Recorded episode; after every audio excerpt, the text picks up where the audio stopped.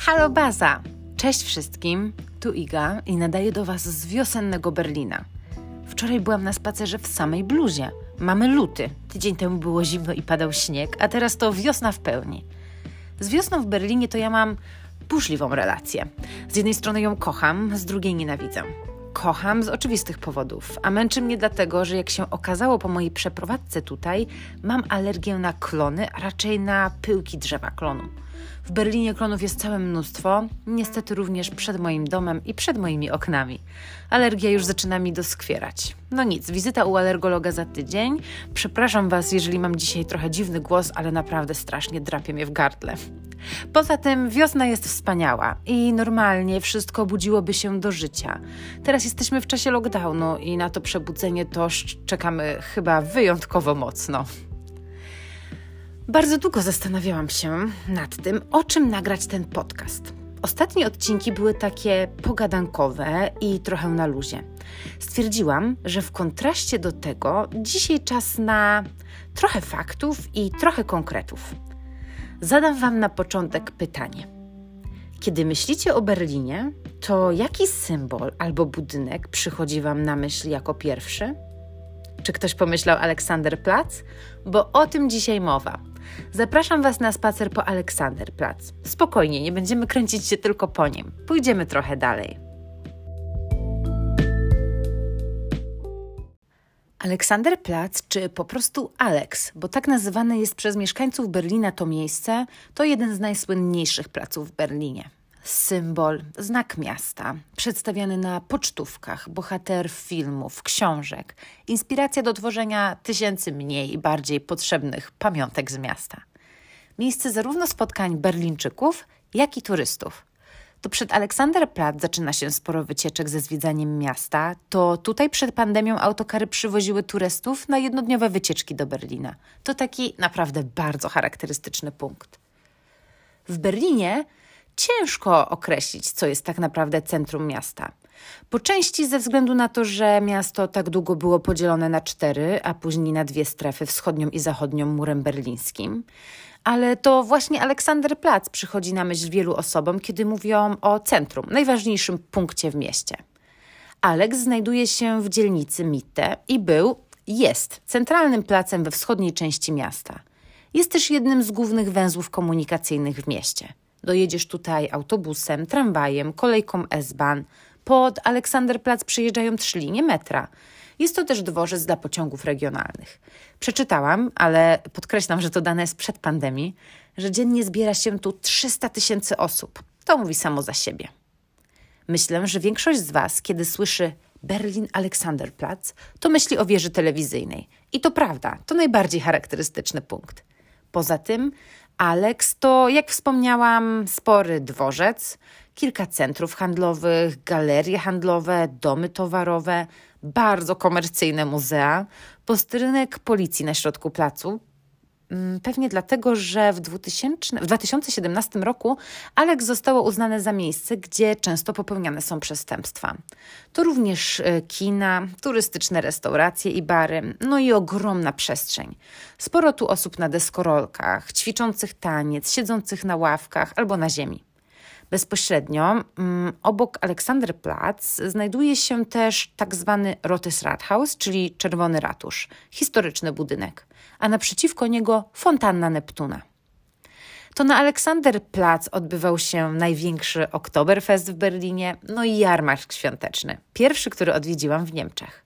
O mojej ekscytacji tym jarmarkiem i o wspomnieniach opowiedziałam w drugim odcinku podcastu. Serdecznie zapraszam.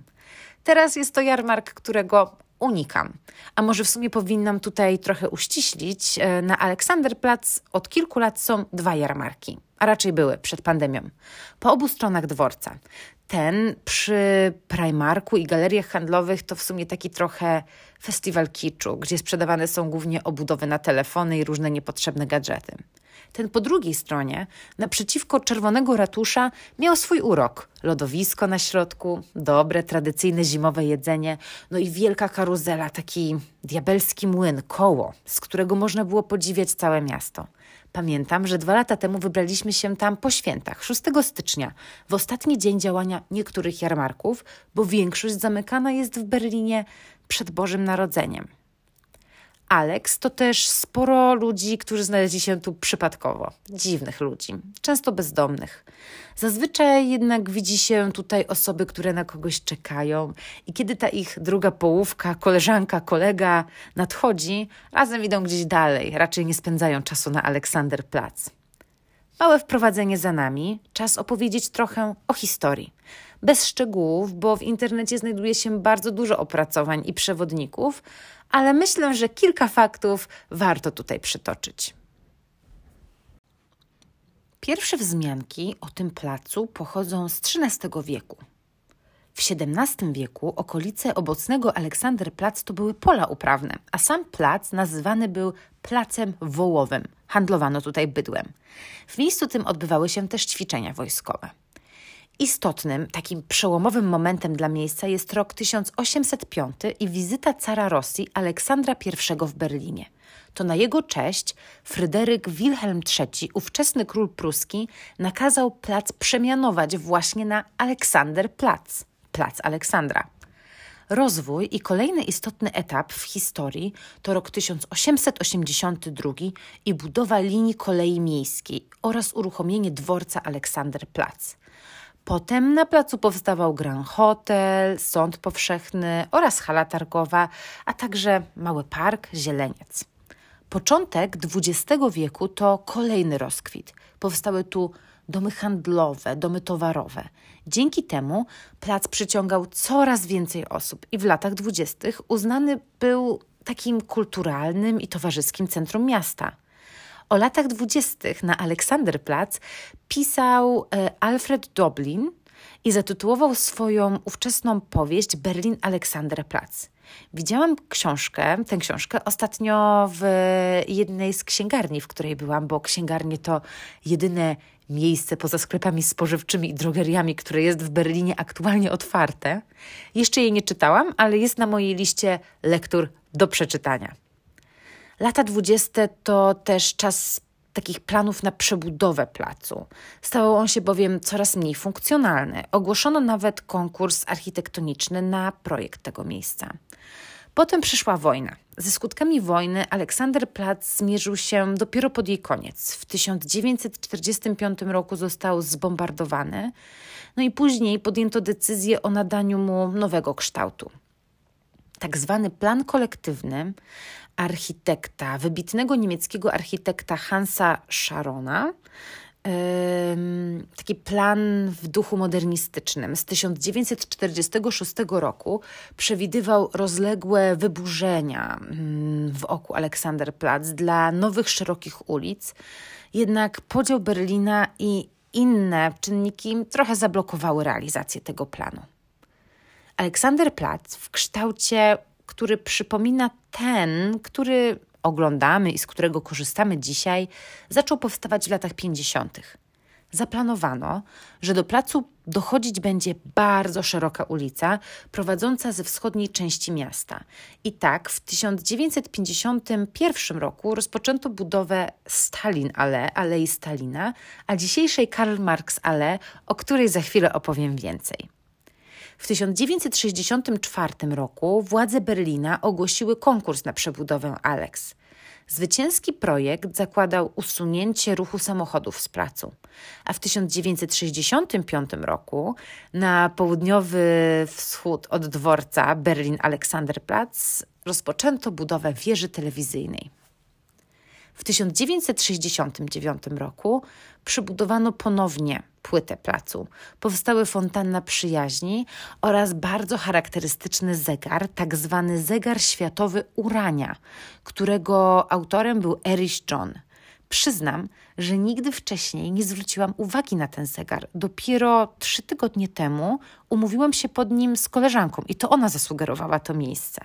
Byłam na Aleksanderplatz tyle razy, a przy tym całym chaosie, kolorach, hałasie i zamęcie nie zwróciłam uwagi na taką perełkę. Zegar to budowla o 24 bokach i od, każdy bok odpowiada jednej z 24 stref czasowych świata. Powyżej i poniżej oznaczeń godzin na takiej obudowie z aluminium widnieją nazwy miast znajdujących się w odpowiednich strefach czasowych, a ponad zegarem możecie zobaczyć taki model układu słonecznego. W 1989 roku, czyli już no, jakieś 20 lat później, 4 listopada, na Aleksanderplatz odbyła się największa demonstracja. Demonstracja pokojowa. Największa demonstracja w historii Niemieckiej Republiki Demokratycznej, NRD, czyli tych wschodnich Niemiec. Nawoływała ona do zjednoczenia Niemiec. Mówi się, że na Aleksanderplatz zebrało się nawet milion osób. Była to jedna z demonstracji pośrednio wpływających na zburzenie muru berlińskiego kilka dni później.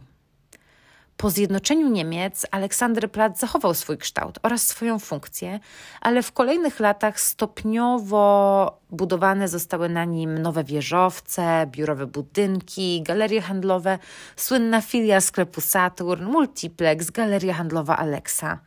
Na placu mieści się też słynny Primark i bardzo długo mieścił się sklep w tym samym budynku co Primark, polski sklep CCC z butami.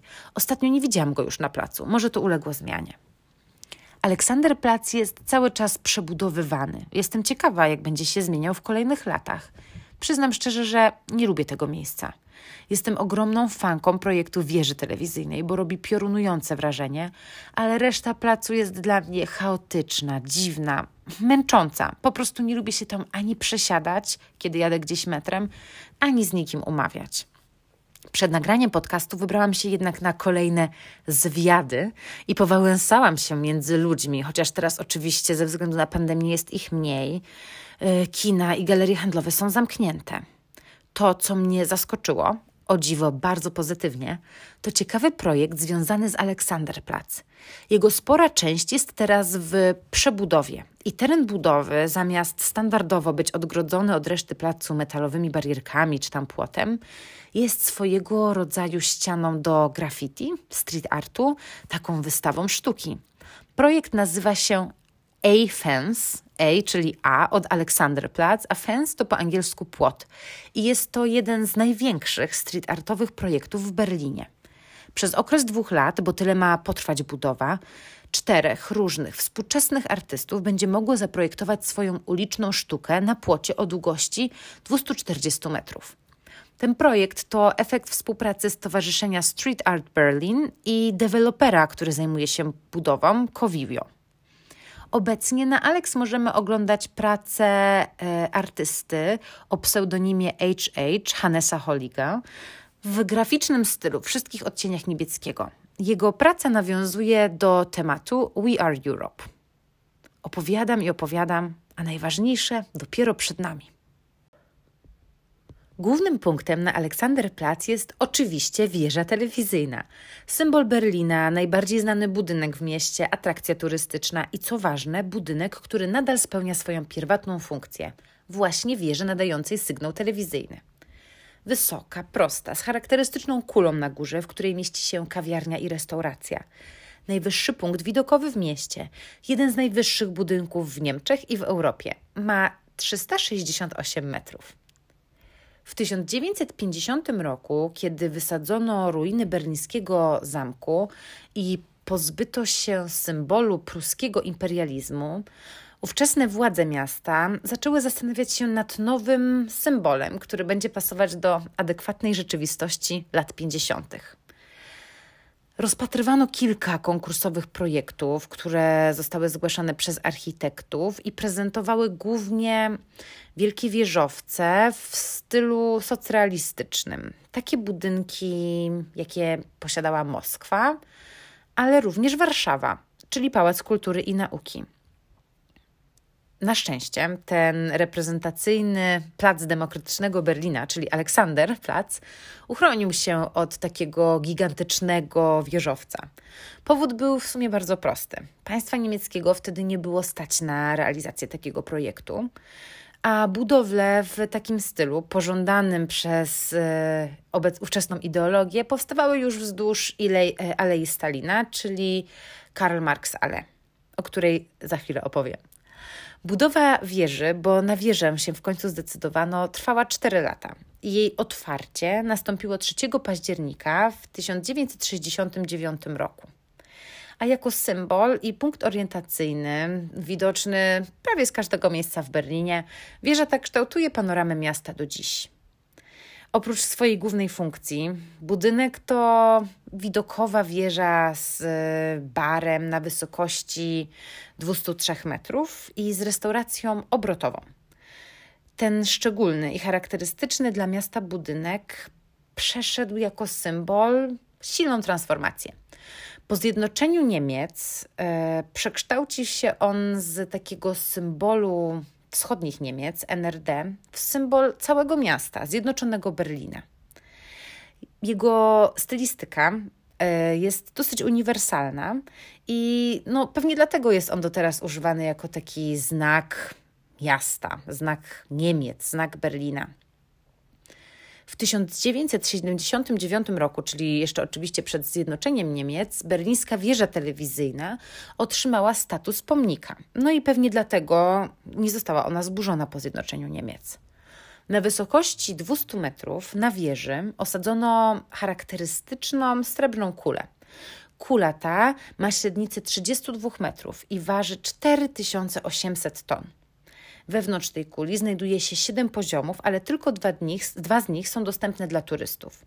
Jest tam taras widokowy, niewielki bar, w którym stoliki i krzesła przymocowane są do takiej platformy, która wykonuje pełen obrót w ciągu obrót o 360 stopni w ciągu pół godziny.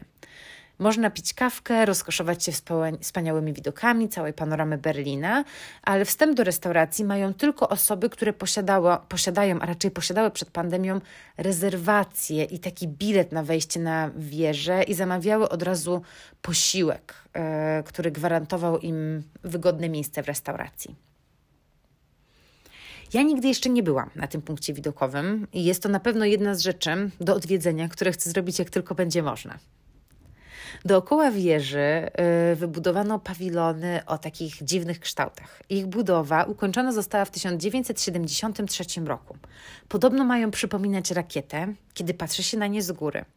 Dzisiaj w pawilonach znajdują się, a raczej znajdowały, komercyjne muzea, sklepy, kawiarnie, wypożyczalnia rowerów, bo w praktyce to raczej pustka. Obeszłam w niedzielę wieżę dookoła i połowa tych pawilonów była po prostu opuszczona. Zapewne ku uciesze młodych grup ludzi, którzy ćwiczyli tam sobie układy taneczne, jakieś takie bitwy taneczne w stylu step-up, jeździli na deskorolkach. Z berlińską wieżą wiąże się wiele ciekawostek. Przytoczę kilka z nich, które najbardziej zapadły mi w pamięć, kiedy czytałam e, na ten temat. Budowę wieży rozpoczęto w innym miejscu, w Mugelberge i w ogóle to miała mieć ona tylko 130 metrów, ale w 1954 roku okazało się, że zakłócałaby ona loty przy lotnisku Schönefeld, więc po licznych rozmowach przeniesiono budowlę na Aleksanderplatz i zdecydowano się wtedy na jeszcze wyższy budynek. Wieża ma 986 schodów, aczkolwiek odwiedzający nie mogą z nich skorzystać. Na górę dostają się windą w 38 sekund. Jak już wspomniałam, wieża jest jednym z najwyższych budynków w Europie i podobno w słoneczny dzień widać z niej miejsca oddalone aż o 40 kilometrów. Platforma widokowa, e, ten punkt widokowy, umieszczony jest na wysokości 203 metrów, a kawiarnia na wysokości 207 metrów. Ale kuchnia restauracji znajduje się na dole budynku, aby uniknąć alarmowych sytuacji i tak dla bezpieczeństwa. Posiłki dowożone są na górę za pomocą specjalnej windy. I ciekawostka, której nie mogę potwierdzić, ale na pewno ją sprawdzę, to fakt, że w słoneczny dzień podobno, kiedy świeci słońce, promienie odbijają się od metalowej kopuły i tworzą taki charakterystyczny krzyż. Efekt ten był nazywany zemstą papieża. Był zupełnie niezaplanowany i spędzał sens powiek władzom wschodniego Berlina. Podobno starali się w, na różne sposoby usunąć ten efekt, ale się nie udało. Muszę kiedyś przejść na Aleksanderplatz w słoneczny dzień i zwrócić na to uwagę. Dość już o tej wieży. Po wieży największą uwagę na Aleksanderplatz myślę, że skupia budynek dworca. W swoim pierwszym kształcie powstał on w 1881 roku i był kilkukrotnie przebudowywany ze względu na zniszczenia po II wojnie światowej, ze względu na nowe linie metra, które pod Aleksanderplatz przejeżdżały i na kolej S-Bahn, no i po prostu za zmiany mm, z powodu nowych potrzeb. Pod koniec XIX wieku odjeżdżały z niego pociągi regionalne i dalekobieżne, a w 1913 roku pierwsza linia metra. Teraz z Aleksanderplatz odjeżdżają, a raczej przejeżdżają pod Aleksanderplatz trzy linie: U2, U5, U8 oraz liczne kolejki metra. Ten peron obecnej linii U2 mm, zbudowany został w latach 1910-1913 według projektu słynnego architekta Alfreda Alfreda Grenadera. Wspominałam go już w piątym odcinku podcastu o berlińskim metrze. Pamiętacie? Jeśli nie słuchaliście tego odcinka, to zachęcam. Mówiłam tam też o tym, co to są stacje duchów. Podczas podziału Berlina yy, peron U8, ten na Aleksanderplatz, został oddzielony od pozostałej części stacji, a dojścia do niego zamurowano. Pociągi kursujące między północnymi a południowymi dzielnicami Berlina Zachodniego pod y, mieszczącym się we wschodnim Berlinie śródmieściem przejeżdżały przez stację bez zatrzymania. Peron był więc tak zwaną stacją duchów. Dzisiaj ten budynek dworca Aleksanderplatz to też taka mini galeria handlowa, a raczej pasaż handlowy, kwiaciarnie, turystyczne restauracje i piekarnie. Unikam tego miejsca przesiadkowego jak ognia, ale to, co bardzo mi się podoba w budynku, to szklana półkulista kopuła nad torami S-Bahn. Robi wrażenie zarówno od zewnątrz, od wewnątrz, jak i z zewnątrz. Aleksanderplatz jest jaki jest. Można go lubić, można go uwielbiać, można go nie lubić, no ale to niezaprzeczalnie symbol Berlina. Dlatego chciałam opowiedzieć Wam o nim kilka ciekawostek. Jak wspominałam, ja unikam tego miejsca, ale to właśnie tam zaczęła się moja sobodnia wycieczka jak wspominałam, ja unikam tego miejsca, ale to właśnie tam zaczęła się moja sobotnia wycieczka, o której chciałabym Wam teraz trochę opowiedzieć. Może zainspiruje Was, mieszkających w Berlinie, do zrobienia sobie takiego spaceru po mieście, a osoby, które w Berlinie nie mieszkają, do pokonania tej trasy podczas najbliższej wizyty w mieście. Ja byłam zachwycona. A więc o czym mowa? Mowa o jednej z moich ulubionych ulic w Berlinie, wspomnianej już Karl Marx Allee. Kiedy będziecie mieć czas, no powiedzmy dwie godziny spaceru, to polecam Wam przejść się właśnie z Aleksanderplatz do placu Frankfurter Tor lub odwrotną trasą. Spacer wzdłuż, a raczej nad trasą linii metra U5 to jakieś trzy przystanki. Sama trasa to jakieś 30 minut, ale zdecydowanie polecam mieć więcej czasu, ponieważ oznaczono na niej 30 kilka punktów, charakterystycznych miejsc i tablic informacyjnych z ich opisem w dwóch językach, niemieckim i angielskim. Wszystkie informacje zostały prze, przedstawione w bardzo, bardzo ciekawy sposób. Odchodząca od Aleksandry Platz Karl Marx Allee początkowo nosiła nazwę Grosse Frankfurter Straße. Frankfurter, dlatego że prowadziła w stronę Frankfurtu. Dodam, że chodzi o Frankfurt nad Odrą, czyli ten bliżej Polski. Jednak w 1949 roku została przemianowana na Stalin Allee z niemieckiego Aleja Stalina. Była standardowym, takim sztandarowym projektem odbudowy Niemiec wschodnich po II wojnie światowej. 13 listopada 1961 roku dokonano kolejnej zmiany nazwy ulicy na Karl Marx Allee i ta nazwa obowiązuje do dziś. Imponująca jest przede wszystkim szerokość ulicy oraz budynki wzniesione wzdłuż niej, po prostu perły socrealistycznej architektury. Ich budowę rozpoczęto w latach 50. w ramach e, planu budowlanego we wschodnich Niemczech. Pierwszy raz wykorzystywano do budowli wtedy tak zwaną wielką płytę. W tamtych czasach przez środek ulicy nie przebiegał plac zieleni, tak jak teraz. Ulica pełniła bowiem też funkcję, a raczej była miejscem parad i defilat. Wielopiętrowe, imponujących rozmiarów bloki robią wrażenie do dziś. Naprawdę czułam się między nimi, jakby była bardzo mała i miałam wrażenie, że przyniosłam się do innego świata. Hmm, jakby to opisać? Może powiem tak. Oglądaliście serial Gambit Królowej na Netflixie? Pamiętacie scenę z Moskwy, czy ostatnią scenę serialu, gdzie główna bohaterka po zwycięstwie wychodzi z budynku i rozgrywa partię szaków ze starszymi panami Rosjanami? Te sceny kręcone były w Berlinie, właśnie na Karl Marx Allee. Mi na myśl przychodzi też czasem zabudowa warszawska, Pałac Kultury, no po prostu takie wpływy socjalistyczne, wschodni modernizm. Mieściło i nadal mieści się przy tej ulicy bardzo dużo ciekawych budynków i pomników, o których chciałabym opowiedzieć kilka słów. Na początek o tych, których nie widziałam. I to nie dlatego, że je zignorowałam, tylko dlatego, że je zburzono bardzo zaintrygował nas fakt, że przy Karl Marx Allee w ciągu niespełna 148 dni postawiono ogromną halę sportową na trzecie światowe sportowe mistrzostwa młodzieży. Gdy się człowiek spieszy, to się diabeł cieszy. I tak było też w tym przypadku, bo 17 lat później halę zamknięto, bo groziło jej zawalenie, a w 1971 roku niestety została całkowicie rozebrana. Bardzo zaciekawił mnie też nieistniejący już pomnik Stalina, który zdobił aleję. W 1951 roku odsłonięto prawie pięciometrowy pomnik Stalina.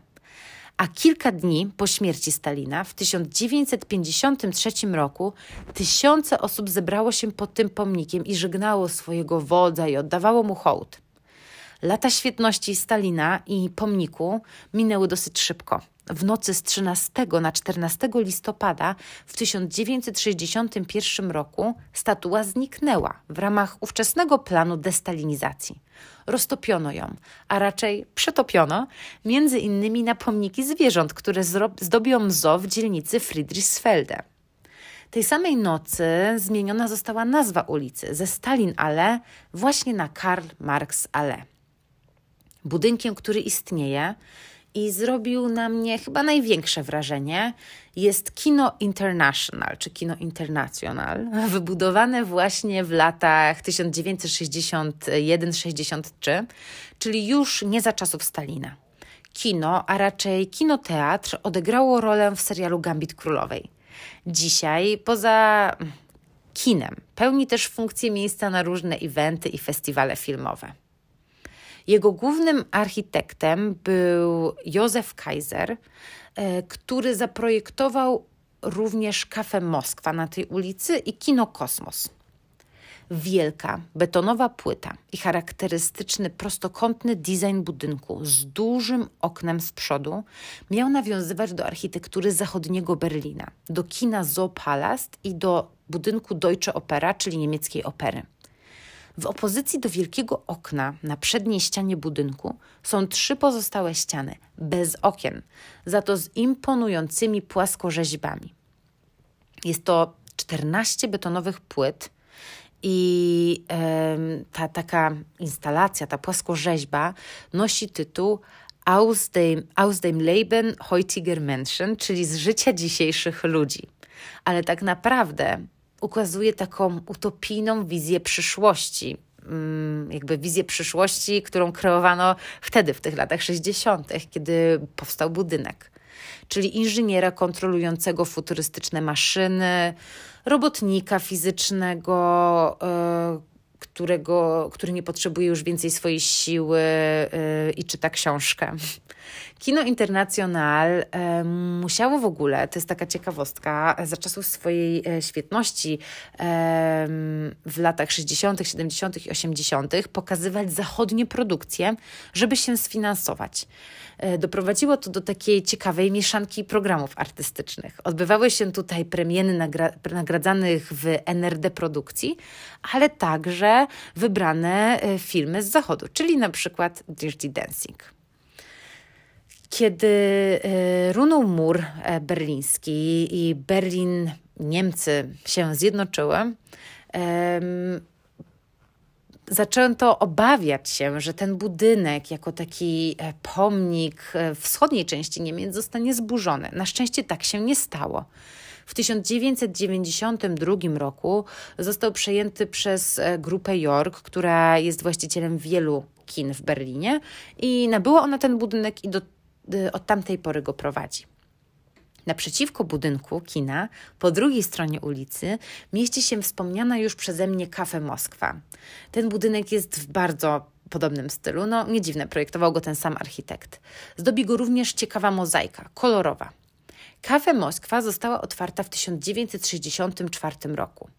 Goście mogli delektować się tutaj rosyjskimi daniami, napić się drinka o nazwie mokka, e, pobawić się, potańczyć, odwiedzić nocny bar w piwnicy. Można było też tutaj kupić pamiątki ze Związku Radzieckiego. E, no i wszystko nawiązywało do tej stylistyki. E, taki komfortowy, w tamtych czasach ekskluzywny wystrój wnętrz dawał odwiedzającym gościom poczucie wyjątkowości. Ponadto doczytałam, że Kafe Moskwa była popularnym miejscem spotkań dla czarnego rynku i działań szpiegowskich. Spora część budynków mieszkalnych przy Karl Marx Allee, bo teraz o takich chciałabym już opowiedzieć, to wielkie, wielokondygnacyjne bloki, bardzo długie. Często na parterze mieściły się sklepy, kawiarnie, restauracje, księgarnie, na przykład kultowa w tamtych czasach księgarnia Karl Marx Buchladung, e, Buchladung, czyli sklep z książkami. Napis na wejściu do budynku księgarni zachował się do dziś. Na pewno zwrócicie na niego uwagę, jeśli przejdziecie się na spacer po tej ulicy. My nasz spacer po Karl Marx Allee zakończyliśmy na Frankfurter Tor, placu, a w sumie takim początku tej ulicy, gdzie po dwóch stronach w latach 50. wybudowane zostały dwie wieże. Do konkursu na projekt tego miejsca zaproszono w 1951 roku kilku architektów i zwyciężył Hermann Hesselmann. Dwie wieże po dwóch stronach ulicy stanowiły taką, i stanowią nadal, wizualną bramę. Wtedy początek Alei Stalina. Cała architektura socrealistyczna robi no, ogromne wrażenie. Ciekawy jest też ten fakt, że odpowiedzią na projekty budowlane e, we wschodnim Berlinie był projekt Interbau 57, czyli taka zaplanowana dzielnica w stylu modernistycznym w Berlinie Zachodnim, Hansa Viertel. Zapraszam Was na Instagram Baza Berlin i w zapisanych relacjach możecie obejrzeć zdjęcia i przeczytać kilka słów o tym projekcie Interbau 57. Jest to dla mnie równie, a nawet chyba bardziej interesujący projekt budowlany. Dzisiaj dodam na Instagram również relacje ze spaceru po Karl Marx Are. O takiej architekturze ciężko jest mi mówić bez popierania słów zdjęciami, dlatego bardzo zachęcam Was do wizyty na Instagramie. Tak na koniec mojej opowieści o Aleksanderplatz i okolicy chciałabym dodać, że jest jedna rzecz, która bardzo mi się podoba. Jest to to, że wieża telewizyjna jest widoczna prawie z każdego miejsca w mieście. Iglica wynurza się z nad dachów kamienic, unosi nad drzewami. I czy stoimy na Prenzlauer Bergu, czy na Neukölln, czy na Kreuzbergu, na Charlottenburgu, czy na dalszych dzielnicach, w dalszych dzielnicach Berlina, kiedy tylko spojrzymy w stronę centrum miasta, zobaczymy w oddali, na tle nieba, tą wieżę telewizyjną. Bardzo lubię ten widok. Mam nadzieję, że dzisiejszy odcinek się Wam spodobał. Starałam się przeplatać takie luźniejsze pogadanki o Berlinie odcinkami bardziej napakowanymi faktami, informacjami historycznymi. Wymagają one ode mnie o wiele więcej czasu i przygotowania, ale przynoszą mi też dużo radości, satysfakcji i oczywiście usystematyzowania mojej wiedzy. Na do widzenia. Ponownie zapraszam Was na Instagram Baza Berlin i dziękuję Wam za wszystkie wiadomości i komentarze. Do usłyszenia w następnym odcinku.